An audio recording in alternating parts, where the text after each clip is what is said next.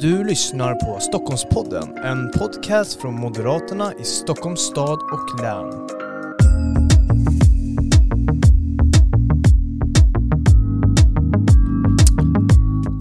Ja, varmt välkomna till ännu ett avsnitt av Stockholmspodden. Det här är ju en podcast från Moderaterna i Stockholms stad och län där vi pratar aktuella frågor, vi spekulerar i framtiden och pratar även om andra brinnande frågor i vårt samhälle.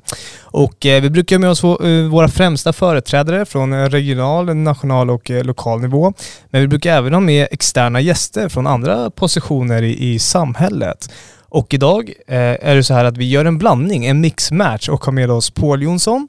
Som är försvarspolitisk talesperson för Moderaterna och ordförande i försvarsutskottet. Precis. Och så har vi med oss Thomas Ries. Jo hej, jag är finlandssvensk och jag forskar i, i säkerhet.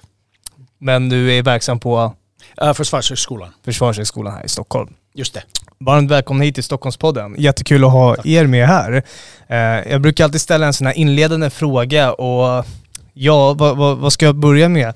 Vi ska ju prata om ett väldigt tungt ämne idag eh, som jag valde att sätta rubriker på vart är världen på väg, men det handlar om säkerhetspolitik, utrikespolitik. Men som inledande fråga tänkte jag först att ni får berätta lite om era bakgrunder så, så de som lyssnar har, har någorlunda koll på vilka ni är. Så kan vi börja med dig Paul? Mm, absolut, jag kom in i riksdagen 2016. Jag har varit Europapolitisk talesperson och vice ordförande i EU-nämnden. Jag suttit i justitieutskottet och jag jobbar mycket med nordiska frågor också med i Nordiska rådet. Eh, innan jag kom in i riksdagen så har jag ett så här långt belastningsregister när det kommer till utrikes säkerhetsförsvarspolitik. Jag jobbar som kommunikationsdirektör på säkerhetsförsvarsföretagen. Jag jobbar på FOI, jag har varit politisk sakkunnig i försvarsdepartementet och så har jag faktiskt en gång för länge sedan också varit forskare. Eh, disputerade om EUs säkerhetsförsvarspolitik men det var 2005 så det var faktiskt så som jag första gången träffade Thomas tror jag. Vi konstaterade det 2000 var nog första gången som jag och Thomas träffades för, alltså för 21 år sedan.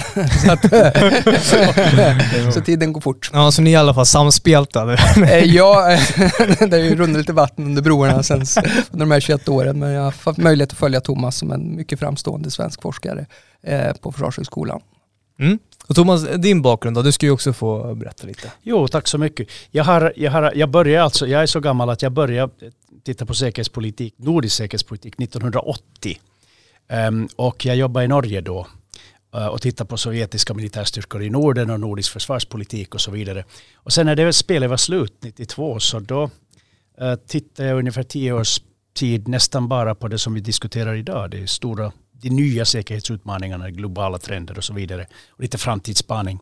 Men sen ungefär 20 år sedan så började jag och de andra gamla dinosaurierna som, som hade sysslat med Sovjet, vi började lite märka att nu, nu gäller det att, att följa med Ryssland igen. Att, att, eh, där händer det saker. Men det blev ju inte riktigt sen politiskt gångbart någonstans i Europa eller USA innan 2014 när de gick in i Ukraina. Mm. Sen dess så har det varit ungefär 50-50. 50-50 procent Ryssland säkerhet och 50 procent globala säkerhetsfrågor. Mm. Men andra ni har ju en väldigt mycket erfarenhet av just det vi ska prata om idag, säkerhetspolitik kan man ju konstatera, i alla fall när man lyssnar på era bakgrunder. Och eh, temat som vi ska prata om idag, det är ju vart är världen på väg? Vi ska beröra lite om det som du eh, nämnde nyss, de nya globala trenderna. Eh, men även också det nya säkerhetspolitiska läget. Eh, vilka utmaningar står världen och Sverige som nation inför? Eh, så att det här kommer ju vara ett mycket intressant samtal. Och det är ju verkligen väldigt brett, men vi ska försöka fånga de kanske mest väsentliga delarna av den nya säkerhetspolitiska planen. Så jag tänkte först Thomas, en lägesbild. Vilka utmaningar och hot står Sverige inför idag? Sverige och hela världen. Eh, väldigt, väldigt många. Och det är väldigt viktigt här att börja med att konstatera att under kalla kriget, fram till kalla krigets slut, så kunde vi väldigt fokusera säkerhetspolitiken på utrikes och försvarspolitik och det var säkerhetspolitik och det var det stora hotet, var Sovjet då. Och vi visste ungefär vad vi sysslade med. Det var väldigt farligt på grund av faran för kärnvapen. och Sovjet var farligt. Men vi hade ganska bra idé vad vi sysslade med. Nu så är det här säkerhetspolitiska fältet mycket bredare vi kan inte bara fokusera på, på militära hot, även om de ännu finns. Jag ser på det verkligen ur ett stort perspektiv. Och det ena är den mänskliga dimensionen, alltså vart våra samhällen i princip är på väg. Det kan vi ta upp sen. Och den andra är sen den vad vi kallar funktionell säkerhet, det vill säga att vi måste ha mat på bordet, tak över huvudet. Fungerande ekonomi, fungerande teknisk infrastruktur.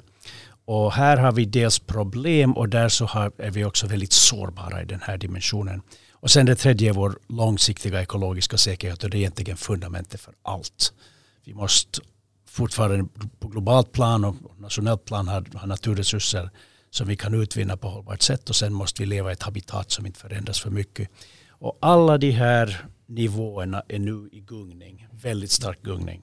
Och, eh, och existentiella, alltså djupt, att katastrofala säkerhetshot kan uppstå i alla de här områdena. Så vi måste bevaka alla.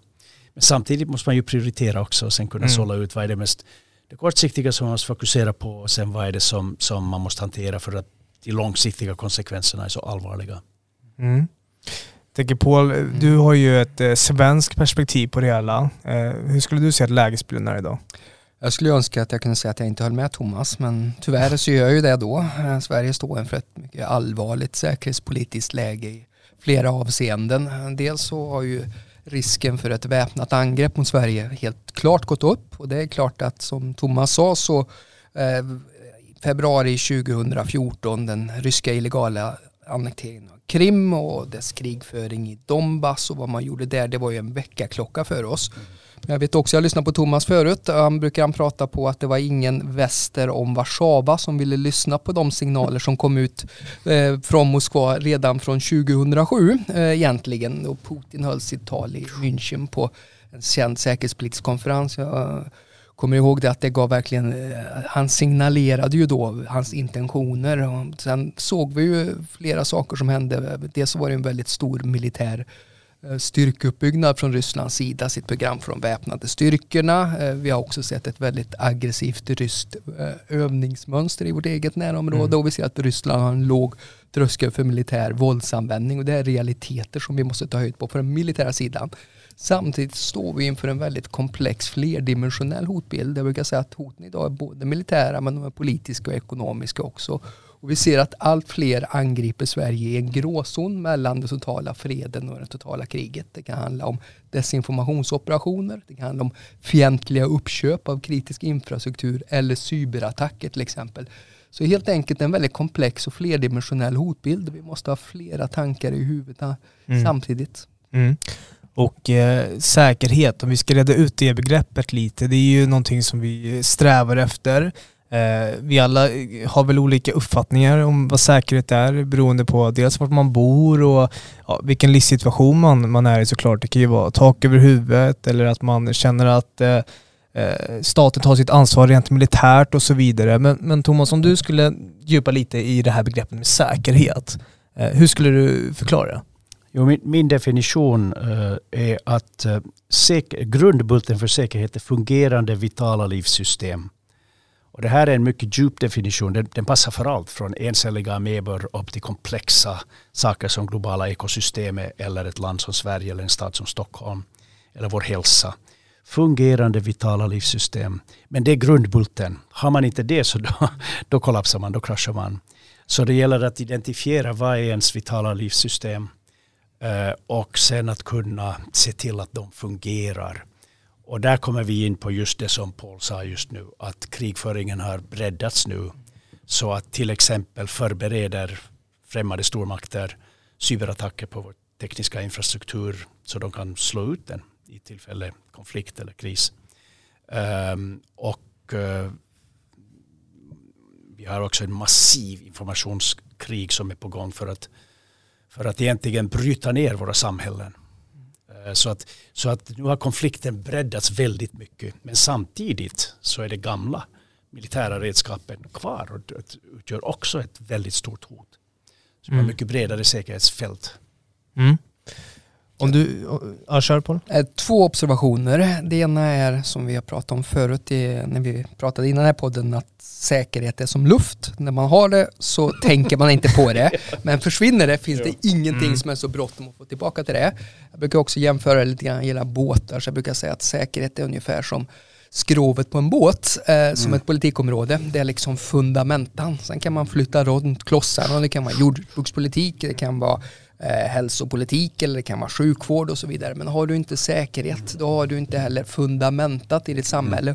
Och kärnuppgiften för politiken, den viktigaste uppgiften, det är att skydda mot externa hot och upprätthålla landets överlevnad och territoriella integritet. Men också skydda mot interna hot, naturligtvis upprätthålla allmän lag och ordning. Så det är väl de här två fundamenta mm. observationerna kopplat till säkerhet. Mm.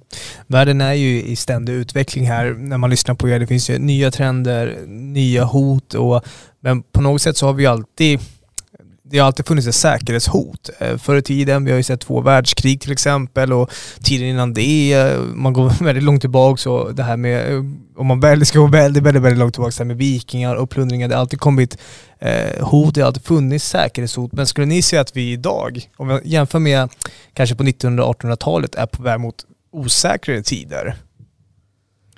Jag skulle säga att vi är definitivt, alltså det, historien går i vågor så att det är inte första mm. gången i människans historia. Men det verkar som om vi nu i västvärlden, i alla fall och egentligen hela världen, går in mot en, en tid som är mycket mer turbulent. Och där det finns många fler potentiella katastrofala händelser som kan hända. Så att det går mot en och, den, och samtidigt är, är det mer oförutsägbart. Vi kan identifiera potentiella hot men vi kan inte säga när de kommer, hur de kommer och alla konsekvenser. Men vi är på, definitivt på väg mot en, en tid som blir mycket turbulentare och där det, där det också kommer att uppstå förmodligen väldigt djupa förändringar i våra samhällen. Mm. Det exempel på det, oförutsägbara hot, pandemin till exempel som vi befinner ja. oss just nu i, det kan ju vara tsunamin tänker jag på, naturkatastrofer, bränderna som härjade här i Sverige för 2018 var det va? Mm. Eh, och så. Men jag tänker på, om du, du vill fylla på det kanske lite som... Eh, jag, jag delar Thomas bild av ut, vart utvecklingen är på väg. Eh, det är väl två saker som jag tycker är viktiga. Det ena är att vi ser en mycket tydligare stormaktskonfrontation nu. Mm. Det verkligen hårdnar till mellan USA, Ryssland och Kina. Och framförallt är det den här G2-världen som vi ändå går in i. Det är ju så att att, Ryssland, äh, fel, att både Kina och USA får en väldigt dominant roll och att konfrontationen där ökar och så har vi Ryssland som en typ av spoiler i det internationella mm. systemet. Den som välter pokerbordet lite granna. Och vad ju Ryssland gör är att man också utmanar den europeiska säkerhetsordningen. Den säkerhetsordningen har ju byggt på att man respekterar länders territoriella integritet, eh, deras gränser, deras självbestämmande, deras rätt att välja säkerhets och utrikespolitiska vägval. Ryssland accepterar ju inte det utan Ryssland vill ju ha en bakgård med länder som Ukraina och Georgien och Armenien och Vitryssland. De vill ha en helt annan säkerhetsordning än den säkerhetsordning som vi har haft och som har tjänat Sverige och Europa mycket väl. Ser man ur ett historiskt perspektiv så har ju de sista 30 åren varit väldigt gynnsamma i Europa men Ryssland utmanar den ordningen genom att man invaderar och ockuperar grannländer. Och de har gjort det inom loppet av tio år både Ukraina och, mm. och Georgien. Och det här är ju också realiteter som vi måste ta höjd för. Mm. Och eh, som ni säger, det finns en hel del säkerhetshot. Det är nya hot som samhället och våra nationalstater står inför. Våra internationella samarbeten sätts på spel kan man nästan säga. Det behöver inte vara en, en invasion av Ryssland i, i, Krim som kanske ruckar till det lite utan det kan bara vara en simpel, eller inte simpel, men en väldigt komplex pandemi eh, som gör att man måste ta fram vaccin och det här vaccinhanteringen som vi kan se nu skakar ju om en hel del i det europeiska samarbetet. Eh, sådär. Men jag tänker om vi nu ska skapa förutsättningar för säkerhet, för det är ju någonting som nationalstaten måste göra. Det är ju nationalstatens plikt då. då. Hur kan vi skapa de här förutsättningarna för säkerhet? Jo, alltså, alltså den första observationen, och det har jag sett konkret, är att man måste väcka medvetenheten om det. Det är först när beslutsfattarna blir medvetna att det här är någonting de måste ta på allvar så det börjar hända saker. Det är nästan det, det första och det, det, har vi sett gång på gång. Uh, det såg vi med Ukraina 2014. Det ser vi nu med pandemier. Uh, beslutsfattarna måste uppfatta att det här ska nu komma högt upp på, på dagordningen på prioritetslistan. Och sen kan det, kan det börja hända saker. Jag tror att vi måste ha en ödmjukhet inför att även det som kallas för svarta svanar eller även det oväntade kan hända. Jag vet att när USA gjorde utvärderingen av 9-11 så hade de en kommission som hette The failure of imagination. Och det tänker jag ofta på när vi håller på med försvarsplanering och sådana saker. Om jag säger så här 9 april 1940, jag säger eh, 9 november 1989, 11 september 2001, 28 februari 2014 eller 3 mars 2020, det vill säga anfallet på Norge var en stor överraskning. Berlinmurens fall kunde vi inte gissa.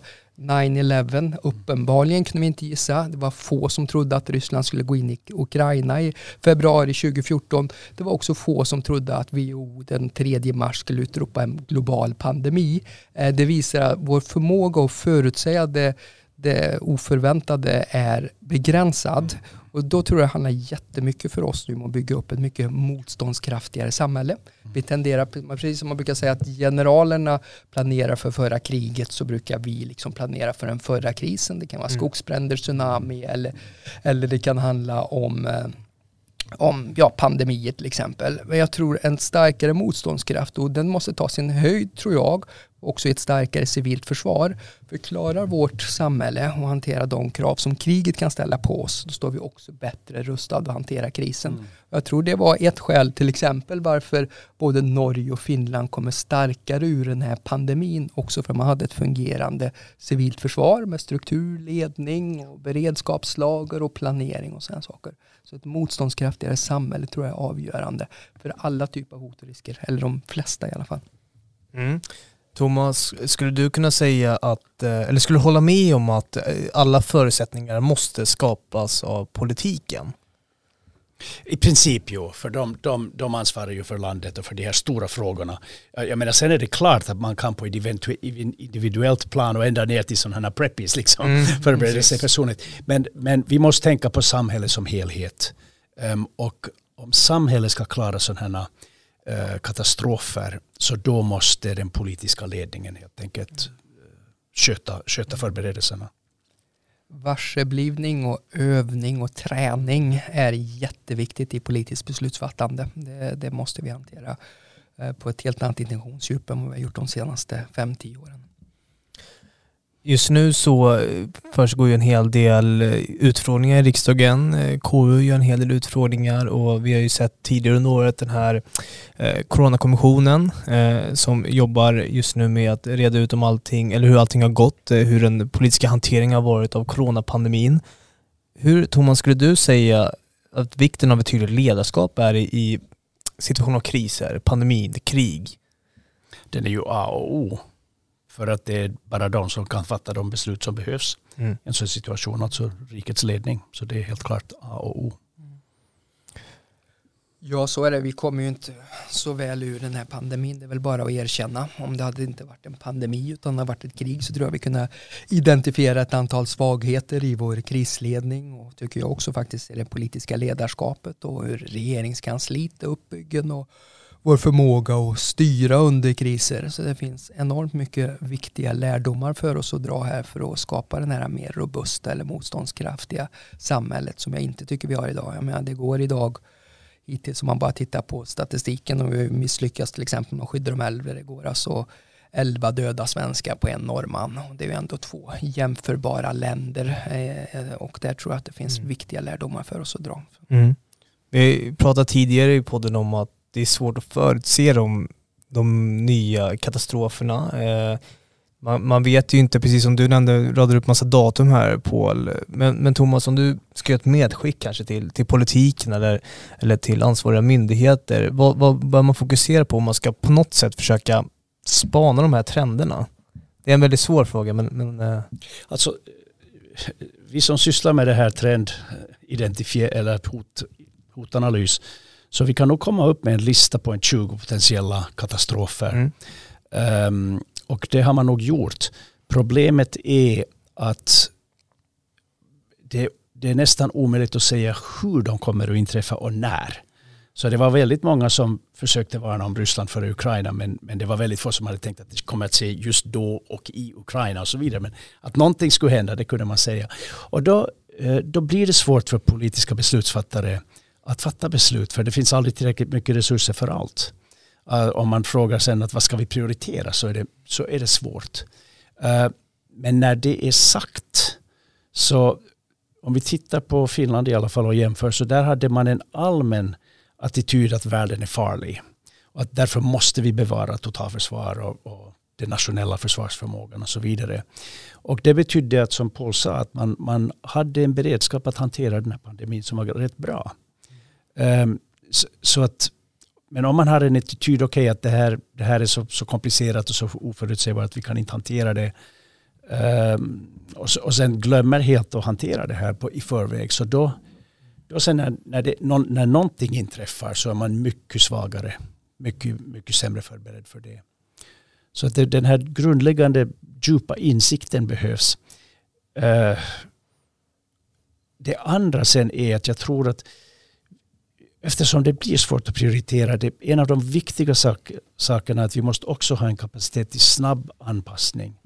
En snabb anpassningsförmåga till det oväntade. Och där är jag lite oroad över, över, över det offentliga Sverige. Näringslivet är något helt annat. De är, de är, svenska näringslivet är verkligen världsmästare på snabb anpassning och, och sunt bondförnuft. Men att den offentliga sektorn oroar mig för att den är så regelverksstyrd. Och i en katastrof, så om regelverken inte är precis anpassade för katastrofen, mm. och det är de inte, då sitter man där. Och då blir igen hela regelverkssystemet farligt. För då behöver man kunna improvisera, anpassa sig snabbt, eh, göra allt möjligt sånt som man inte ska göra när vi ska hålla regelverkssystemet igång. Mm. Så att vi måste också å ena sidan försöka identifiera vissa nyckelområden. Det är helt klart att försvar är oerhört viktigt. Eh, men å andra sidan också ha en kapacitet att snabbt anpassa samhället till det oväntade. Mm. Vad tänker du kring det Paul? Regelverk, anpassning? Eh, en observation bara kring trender då. Det är ju så här att man må nog säga att det här på global nivå så har nog det här varit den största ekonomiska, politiska och sociala kris som världen har genomgått. Vi ändå, pandemin? Ja, pandemin eh, givetvis då. Och det är ju tre miljoner döda och eh, minst lika många, det brukar man räkna, som inte har fått tillträde till vård och så vidare. Så det har varit en djup katastrof både för Sverige och för hela det internationella samfundet.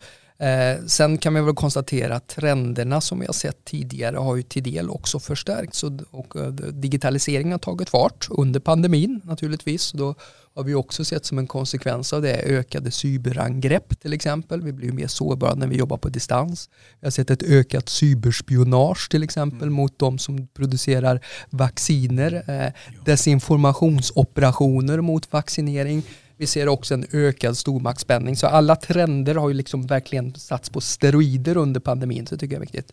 Någonting kopplat till lagar och författningsstöd då.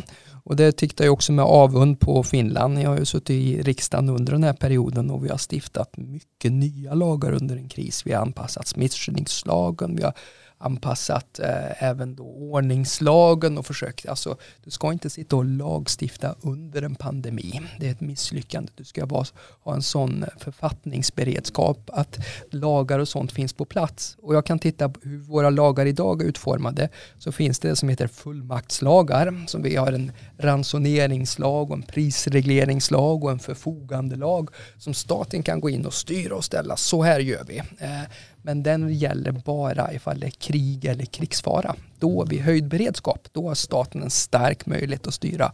Men idag så är det också så många andra hot, risker och sårbarheter som påverkar oss. Det kan vara pandemier som gör att staten måste kunna styra. Eller det kan vara storskaliga skogsbränder eller det kan vara terrorangrepp eller gråzonsituationer. Så vi måste anpassa också vårt eh, författningsstöd eh, för att staten också ska kunna ha en starkare möjlighet att styra sista punkten bara kopplat till det här med att styra och det tror jag är också hur själva regeringskansliet är organiserat. Jag jobbar där och varit politisk sakkunnig i försvarsdepartementet. I regeringskansliet är det väldigt mycket eh, stuprännor med väldigt få hängrännor. Det är olika fackdepartement som är rätt så starka från Moderaternas sida har vi sagt att det skulle vara väldigt bra om vi kunde ha ett nationellt säkerhetsråd direkt mm. under en statsminister som har huvudansvaret för regeringskansliets krisledning. För det är det som kommer att vara den centrala nervsystemen i att hålla ihop politiken. Så det tror jag är två viktiga reformer. Mm tydliga, konkreta reformer. Mm. Eh, Ändra författningsstödet för att ja. ge staten i olika typer av krissituationer bortom krig och krigsfara möjlighet att styra. Och det andra är ett nationellt säkerhetsråd som håller ihop intern och extern säkerhet och krisledningen inom regeringskansliet. Mm. Jag tänker Thomas, du pratar ju en hel del om det här med sociala, funktionella och neutrala eh, nivåer. Skulle du kunna utveckla eh, lite det? Uh, jo, det kan jag, men låt mig bara säga att jag är helt enig med Paul här. Alltså. Mm. Det, de nya säkerhets, många av de här nya säkerhetshoten sker avsiktligt eller, eller helt enkelt av sin egen dynamik i den här gråzonsläget mellan svartvitt. Och det är där som vi måste ha en beredskap att, att hantera. Då, då krävs det ny, mer nyanserad lag, för, för, förberedelse. Mm. Om jag får bara formulera om frågan, så här, bara för att vi ska fortsätta vara inne på det som politiken kan göra. Hur kan politiken jobba med de sociala, funktionella och neutrala mm. nivåerna för att vi ska ja, vara så säkra som möjligt? Jo, det är lätt för mig som forskare att säga det. Är svårt att verkligen göra det. Men mm. om vi tittar på en av de stora utmaningarna som vi har på båda sidorna Atlanten uh, och det är den samhällets utveckling. Där, där vi ser att det finns allt mer medborgare som av en eller annan uh, anledning är missnöjda eller rädda för framtiden och missnöjda. Och det här är helt klart politikens gebit. Man måste försöka hitta ett sätt att, att, att igen skapa ett, ett samhälle där, där vi har en stor medelklass som i grunden är nöjd. Um, men det här är, jag, jag har ingen lösning på det här, men vi ser det. Konsekvenserna, de första symptomen på det här är just sånt som till exempel att man, man väljer in en president som Trump. Mm. Uh, som, som, som liksom vilken som helst vanlig analys skulle, skulle vara helt otänkbar, alltså fullkomligt opassande som president. Men det finns tillräckligt många medborgare som känner att de, är, de inte längre litar på de etablerade politikerna. Då, då söker man ett alternativ och det var det som fanns. Eller Brexit i, i Storbritannien. Ett radikalt beslut. Vi vet inte ännu egentligen alla följder av det. Men att tillräckligt många britter var villiga att, att rösta för det. Uh, och det här tyder på att det finns ett djup missnöje i samhället. Och, och, och det måste vi försöka tackla. Här i Norden har vi det kanske lite mindre. Men att det kan växa fram här också. Eh, och andra delar av Europa har det i stor grad. Det växer fram allt mer extrema partier, eh, allt mer starka spänningsfält i samhället och så vidare. Men det här är ett typiskt område där politikerna måste, måste försöka hantera. Men, men hur man ska göra det, det är, det är inte lätt. Utom att vi, vi, vi kommer förmodligen att måste samarbeta med näringslivet med de här frågorna på något sätt. Mm. Jag tänker, när du nämner det där, det är lite, går nästan lite in i, i integrationsfrågan då. då. Det är ju det är ett helt annat, ett helt annat mm. ämne. Eh, men jag tänker ju att på något sätt måste ju det spela med, för det här är ju ett internt säkerhetshot inom nationens gränser. Eh, och på något sätt, om man ska applicera det på Sverige idag, podden får gärna fylla på, men, men då är det ju då integrationsfrågan som, och arbetslösheten som jag ser kanske som vad politiken kan göra? Ja, att vi har en polarisering i Sverige och på global nivå det är helt uppenbart tror jag. Eh, vi har också till exempel, jag bor ju på landet, på en gård på, eh, på landet och jag känner det är väldigt olika verklighetsuppfattningar där mot hur det är på Södermalm där jag har en övernattningslägenhet. Och det här med att Sverige och världen dras isär. Eh, jag tror vi behöver lyssna på politikerna, behöver lyssna på på de som känner sig liksom marginaliserade och sidosatta och som liksom inte präglas av den här framtidsoptimismen eller globaliseringens vinnare om man nu säger så. För det finns en del av Sverige som inte är det och det behöver vi lyssna och ta intryck på. Det är det ena som politiker. Det andra tror jag faktiskt är lite grann kopplat till hur vi får information idag. Jag och Thomas är så gamla så vi kommer ihåg Hylands Hölla och Björn Borg och Ingmar Stenmark, liksom TV1 och TV2 när vi hade liksom samma verklighetsuppfattning. I, idag får vi helt olika verklighetsuppfattning beroende på vilka Twitterflöden eller Facebookbubblor vi lever i. Eh, på det sättet vi får information, det tror jag också präglar den här verklighetsuppfattningen och blir förstärkt i våra övertygelser varje gång jag öppnar Facebook. Det är ingen i mitt Facebookflöde som vill införa liksom planekonomi eller som är emot vargjakt eller som eh, tycker det är bra med strandskydd om jag får raljera lite grann med moderata paradgrenar här då. Eh, eh, och det är klart att då blir jag förstärkt i det. Om man tittar rent historiskt så kan man säga att varje gång vi haft ett viktigt teknikskifte så har vi också fått politiska förändringar. Man skulle kunna säga Johan Gutenberg och reformationen och mhm. boktryckarkonsten. Du skulle kunna säga Hitler och radion, du skulle kunna säga Kennedy och tvn och du skulle kunna säga Twitter och Trump. Mm. Eh, och jag tror att de här, hur vi får information, det spelar roll i vår verklighetsuppfattning. Jag har dock ingen patentlösning för hur vi ska brygga ihop det, för det är inte bra detta när samhället dras isär och man har så fundamentalt olika uppfattningar om till, om det nuvarande tillståndet för då blir det också svårare att få bygga ihop det. Men eh, vi brukar prata om Moderaterna att det är en realistisk framtidsoptimism eh, där vi ser problemen som är men också konstruktiva och mm. också pratar om att det går att flytta samhället i rätt riktning. Nu Mm. Blev det lite, ut, ja. blev lite politik här Thomas ja. istället för säkerhetspolitik. Mm. Men jag tror de sakerna hänger ihop väldigt mycket. Ja, men precis. Jag menar, Donald Trump var i vissa avseenden ett existentiellt hot mot det transatlantiska samarbetet. Och han uttryckte ju som, även om under Trump-administrationen gjorde man faktiskt en hel del bra för europeisk säkerhet. För man ökade den militära närvaron på mm. marken. Men han uttryckte sig väldigt vårdslöst om hur han såg på NATO som han pekade som var föråldrat. Han ifrågasatte om man skulle försvara de baltiska länderna. Och sånt är farligt. Så att, eh, mm. Väldigt oberäknelig också. Ja, mycket oberäknelig. och, det, och det är ja. på det sättet, om man ska kolla återigen på ledare, så blir det också ett, ett äh, säkerhetshot då. då. Eh, framförallt för länder som, jag kan nästan säga, Putin är väl lite likadan också, väldigt oberäknelig. Och ja, de har ju visat sig att de kan vara lite hårdhänta i sin utrikespolitik också eh, i och med Krim, eh, ja, innekteringen av Krim och så vidare. Men jag, men jag tänkte, på, du var inne lite på internet här och, och liksom den nya e, eran kanske man ska säga för informationshantering. Vi ska inte gå allt för djupt på det, men, men jag vill bara säkerhets, alltså internet som säkerhetshot. Mm. Det, det, på något sätt så vi går ju nu mot en mer digitaliserad, automatiserad tid. Eh, pandemin har ju på något sätt ja, tagit eld på hela digitaliseringen och det går ju ruskigt snabb fart nu. Eh, vi alla sitter ju hemma i, i pandemin och, och scrollar på internet, det är Facebook, det är Twitter, det är alltså vilken, hur mycket information som helst. Men hur, hur stort hot är, är internet, säkerhetshot? Om, om jag börjar så här. Det som är väldigt motsägelsefullt med Sverige det är att vi är väldigt duktiga på digitalisering. Man brukar utvärdera i så här internationella mätningar brukar Sverige ligga någonstans topp tre i världen på digitalisering. I Sverige är vi ju early adopters, vi är snabba att ta åt oss ny teknologi. Eh, liksom det är bara att kolla Försäkringskassan och alla appar och allt sånt där. Vi är duktiga på det. Men när man i samma veva brukar utvärdera vår cybersäkerhet så kommer vi mycket längre ner. Vi är kanske topp 30 i bästa fall i världen. Och det har inte att göra med att vi inte skulle kunna ha teknologin i landet. Vi har till exempel på cyberområdet väldigt skickliga företag på kryptering och så vidare. Problemet när det kommer till cybersäkerhet är att vi har sprätt våra resurser tunt brukar jag säga. Vi har idag fyra ministrar och minst åtta myndigheter som jobbar med cybersäkerhet.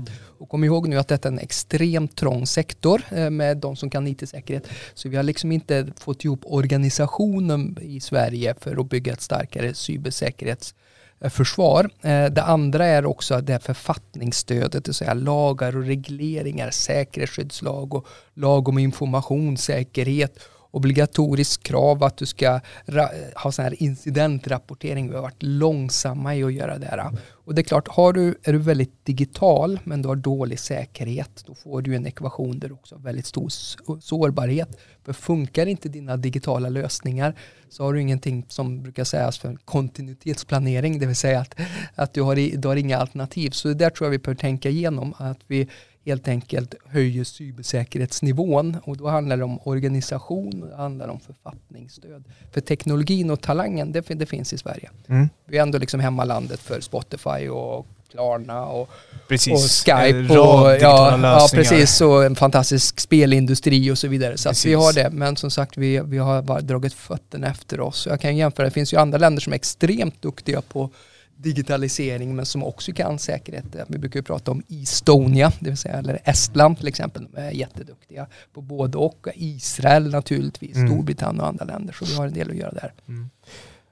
Thomas, du ska också få, få hoppa in här. Internet som säkerhetshot. Jag, jag, vet att du, du kollar ju på, på de nya ja, trenderna och internet, eh, det här med infrastrukturen. Ja, eh. alltså, ja, alltså internet som hot, man kan dela upp det i, i, i två olika områden.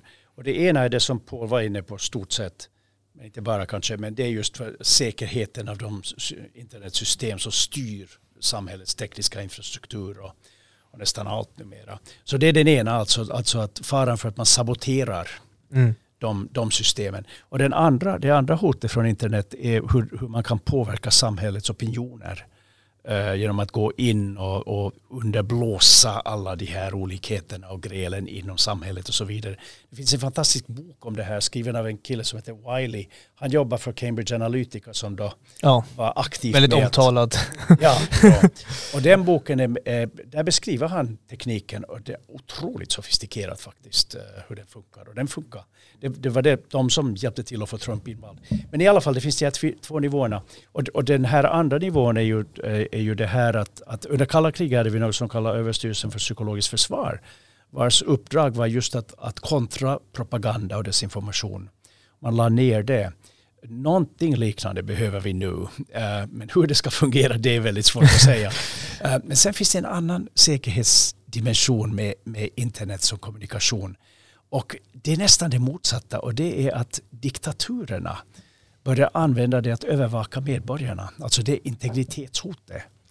Och i Kina till exempel eh, utvecklar man extremt sofistikerade sätt där det här sociala kreditsystemet där man övervakar Eh, med, med, artificiell intelligens med hjälp av en datainsamling så övervakar man alla individers vad de håller på med på nätet och man kan nästan inte göra något utan att vara på nätet. Och så får man poäng om man uppför sig bra så då, då får man poäng och får större frihet. Om man uppför sig dåligt då får man mindre frihet, mindre möjlighet att resa, mindre, mindre val vart man kan jobba, var man kan bo, vilka skolor barnen kan gå till. Alltså ruskigt system. Um, och det här eh, det har vi inte hos oss ännu, tack och lov. Mm. Men det är en and, den andra sidan av slanten. Å ena sidan så är det för vilt där det är liksom all möjlig fantastisk desinformation kommer in och flyttar runt och folk har vansinniga idéer liksom hur, hur det funkar. Så det är den ena, alltså total anarki. Och den andra extrema är när en, en diktatur toppstyr mm. samhället genom att övervaka allt och liksom straffa dem som inte gör som de vill. Så att vi har liksom två, två problem där. Mm.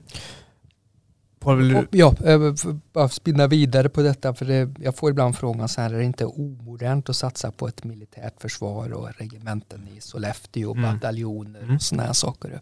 Jag brukar säga att det blir omodernt med ett militärt försvar när Ryssland anser att det är omodernt att invadera och ockupera andra länder. Och Ryssland är är analog i det avseendet att kallt hårt stål räknas mot Ryssland ja. så man måste ha kvar ett militärt försvar.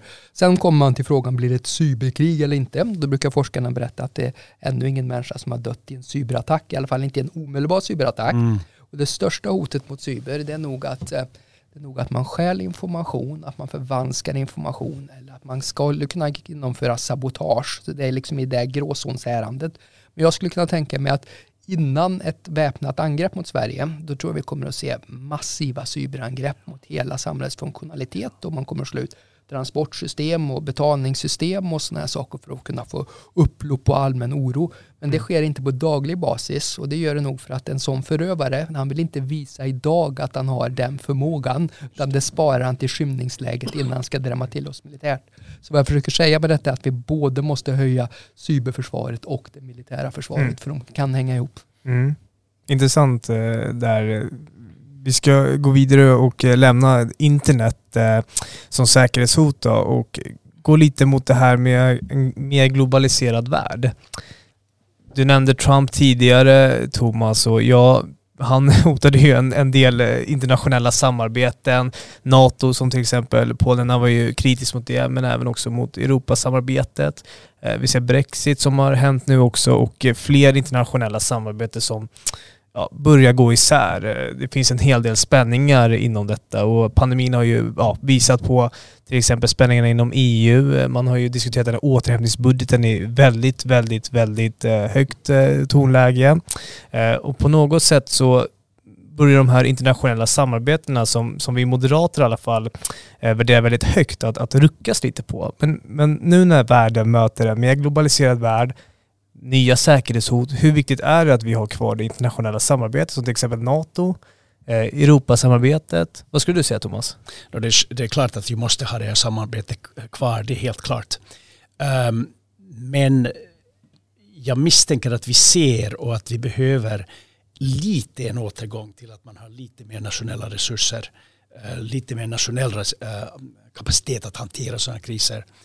Uh, för det som vi såg, och, och covid-19 var den här pandemin var ganska mild egentligen. Men det var obehagligt hur man såg hur, hur nationalistiskt det blev när i, i inledningsskedet när vi inte ens hade skyddsmasker. Mm. Och leveranser kapades när de passerade ett lands territorium så tog de det bara trots att det borde ha gått igenom. Och det var obehagligt och vi såg lite samma tendens till, till själviskhet under den här flyktingströmmen 2015. Uh, eh, när olika länder reagerar väldigt olika. Så att det som man ser är att när, när, när läget blir riktigt allvarligt då blir länder rätt nationalistiska. Så att där måste man, det, det, bästa sättet att undvika det är genom att ha ett starkt samarbete, det är klart. Men det andra är att man måste också ha en viss nationell kapacitet att hantera sådana här kriser. Men å andra sidan, de problemen som vi står inför idag, inget land kan hantera, inte ens ett stort land kan hantera dem ensamt. Vi måste samarbeta för att, för att hantera dem och i bästa mm. fall lösa dem. Det, det, är absolut klart. Men den här, den här det är igen en fråga om pendeln. Pendeln har svungit väldigt långt så att till exempel svenska ekonomin, livsmedelsförsörjningen är fullständigt beroende på just-in-time delivery, globala just-in-time delivery. Och det är klart det är det, det, är det mest, effekt, det är mest kostnadseffektiva, absolut, det är hypereffektivt.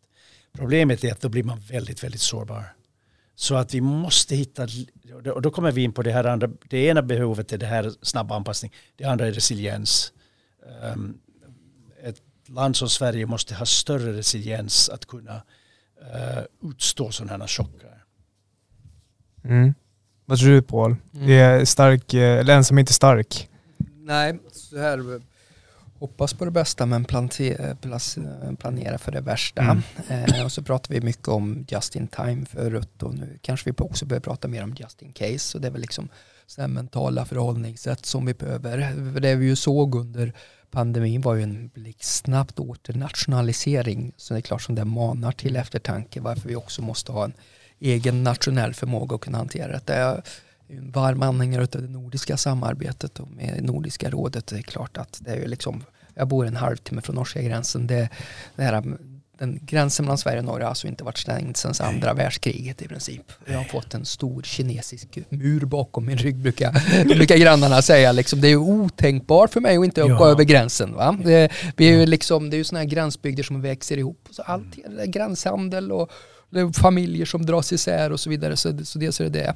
Och sen då naturligtvis på europeisk nivå också. Samtidigt så är det precis som Thomas säger att för att kunna hantera alla utmaningarna som kommer här liksom, vare sig det handlar om handel eller klimat eller säkerhet så är ju framförallt samarbetet över Atlanten helt avgörande. Eh, framförallt på den militära sidan där ja. inte Europa har förmågan att skydda gränserna mot uh, Ryssland. Vi har ju helt enkelt inte den militära förmågan att göra det. Där är vi helt beroende av NATO och USA. Men också de här sakerna som när det kommer till eh, frihandeln och när det kommer till nya teknologier. Behöver ett starkt transatlantiskt samarbete. Och nu har vi fått fyra år där stjärnorna verkar stå rätt för det. Eh, vi har en Biden-administration som vill jobba både med mm. EU, NATO och européerna och jobba att vi tillsammans hanterar utmaningarna från aggressiva länder såsom Ryssland och Kina. Det tror jag är helt, ut, helt avgörande och det är en möjlighet som vi måste bejaka.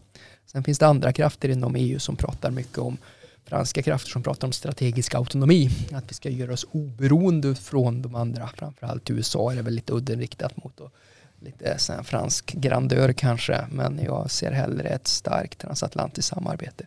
Djup värdegemenskap med nordamerikanerna när det kommer till frihandel, mänskliga rättigheter, yttrandefrihet mm. och, och säkerhet. Så den, den länken måste vi vårda. Mm.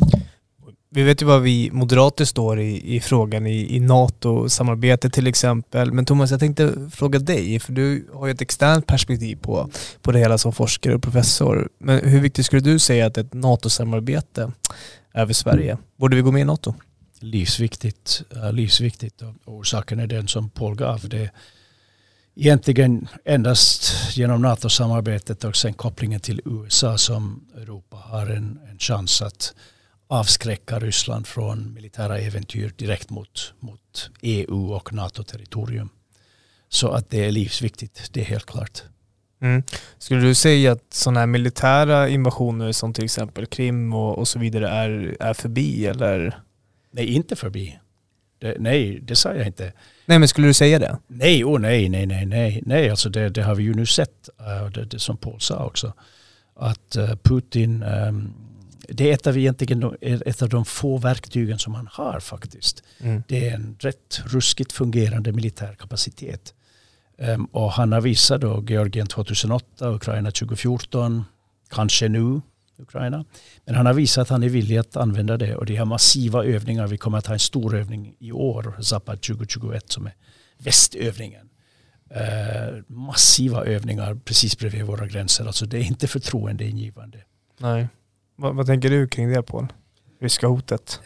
Att det är reellt och det är bara att titta på den ryska militära förmågan som ju har liksom fördubblats över tid. Man har fördubblat försvarsutgifterna och man har fördubblat eh, Eh, även då det, de tillgängliga förbanden. De är militärt överlägsna alla sina grannländer eh, och de har som sagt en låg tröskel i Ryssland för att använda de här militära resurserna. Man ser också ett väldigt aggressivt och rätt så offensivt övningsmönster på Östersjön. Vi följer dem förhållandevis noga. Vi har hög svensk kapacitet för att analysera Ryssland och det vi också ser dels ett aggressivt övningsmönster men vi ser också att de har blivit väldigt kvalificerade övningar där man kan knyta ihop luftstridskrafter och markstridskrafter och sjöstridskrafter samtidigt och att man kan mobilisera förband väldigt, väldigt snabbt. Det är alltså över 100 000 ryska soldater ut med gränsen mot Ukraina just nu. Det är ju mm. också ett rejält hot.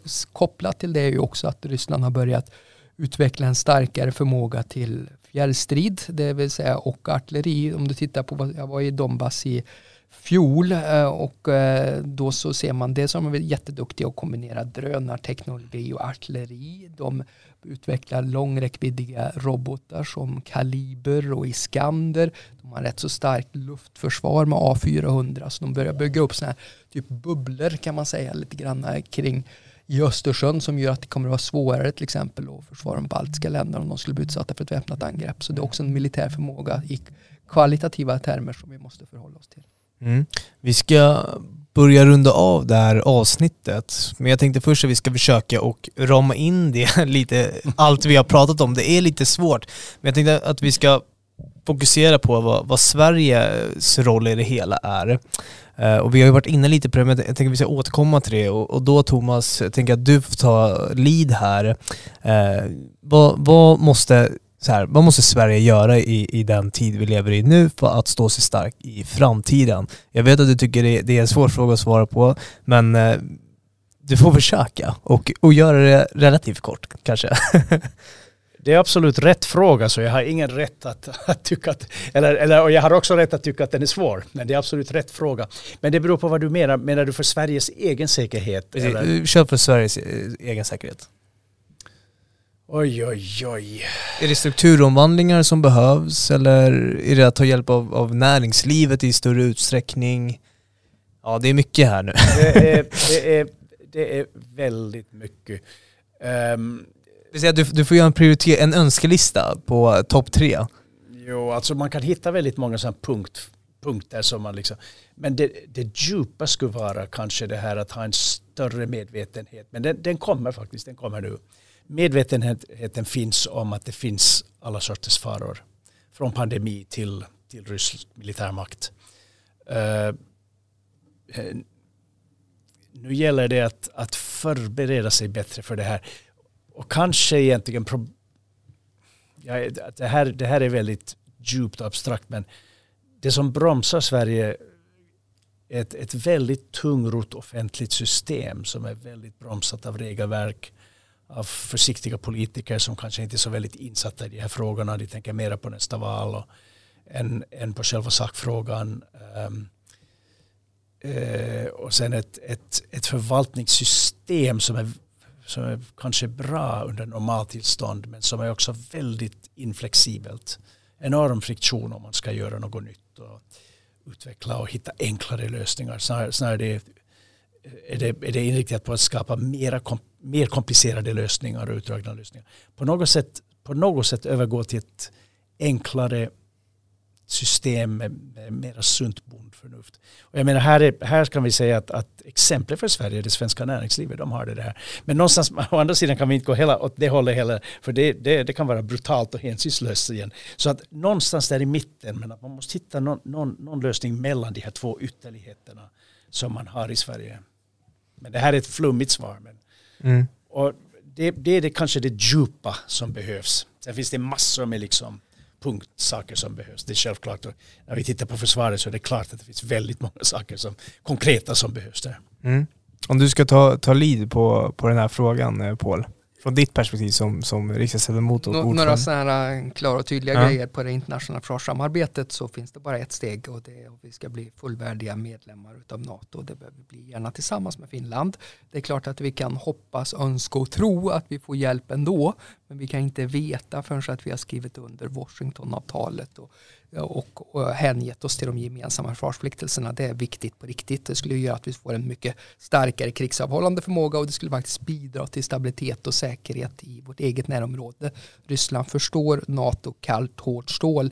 Det som på engelska heter good fences med good neighbors. Jag tror verkligen att det skulle vara det enskilt viktigaste som vi skulle kunna göra på det militära försvaret i våra internationella försvarssamarbeten. Sen måste vi också öka vår egen militära förmåga också. Eh, NATO tar inte emot säkerhetsparasiter utan vi måste kunna ha ett starkt nationellt försvar. Eh, så det är inget mm. snack om det. Några andra grejer. Eh, mycket starkare cybersäkerhet, se till att få de här förordningarna, lagstödet, nya cybersäkerhetscentret på plats, den nya myndigheten för psykologiskt försvar, bygga upp motståndskraften, djupare samarbete mellan staten och näringslivet vid kris, eh, helt avgörande. Det Idag är alla sektorer som är samhällsviktiga privatiserade. Det kan handla om transporter, det kan handla om banksystem, det kan handla om finans, telekom. Det är inte staten som äger dem utan företag. Vi måste ha ett effektivt samarbete mellan det privata och det offentliga. Jag pratar om vikten av en nationellt säkerhetsråd, hålla ihop mm. krisledningsförmågan, intern och extern säkerhet under statsministern, gärna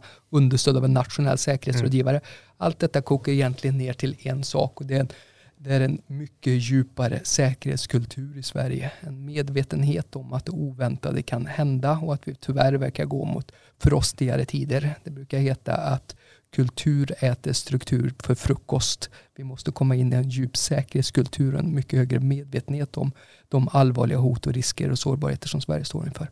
Mm. Bra sagt eh, Paul, väldigt konkret för att vara politiker.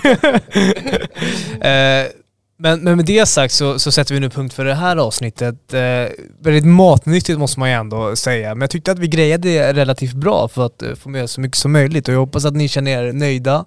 Eh, ni nickar här och eh, det, det, tar jag som ett, det tar jag som ett gott tecken.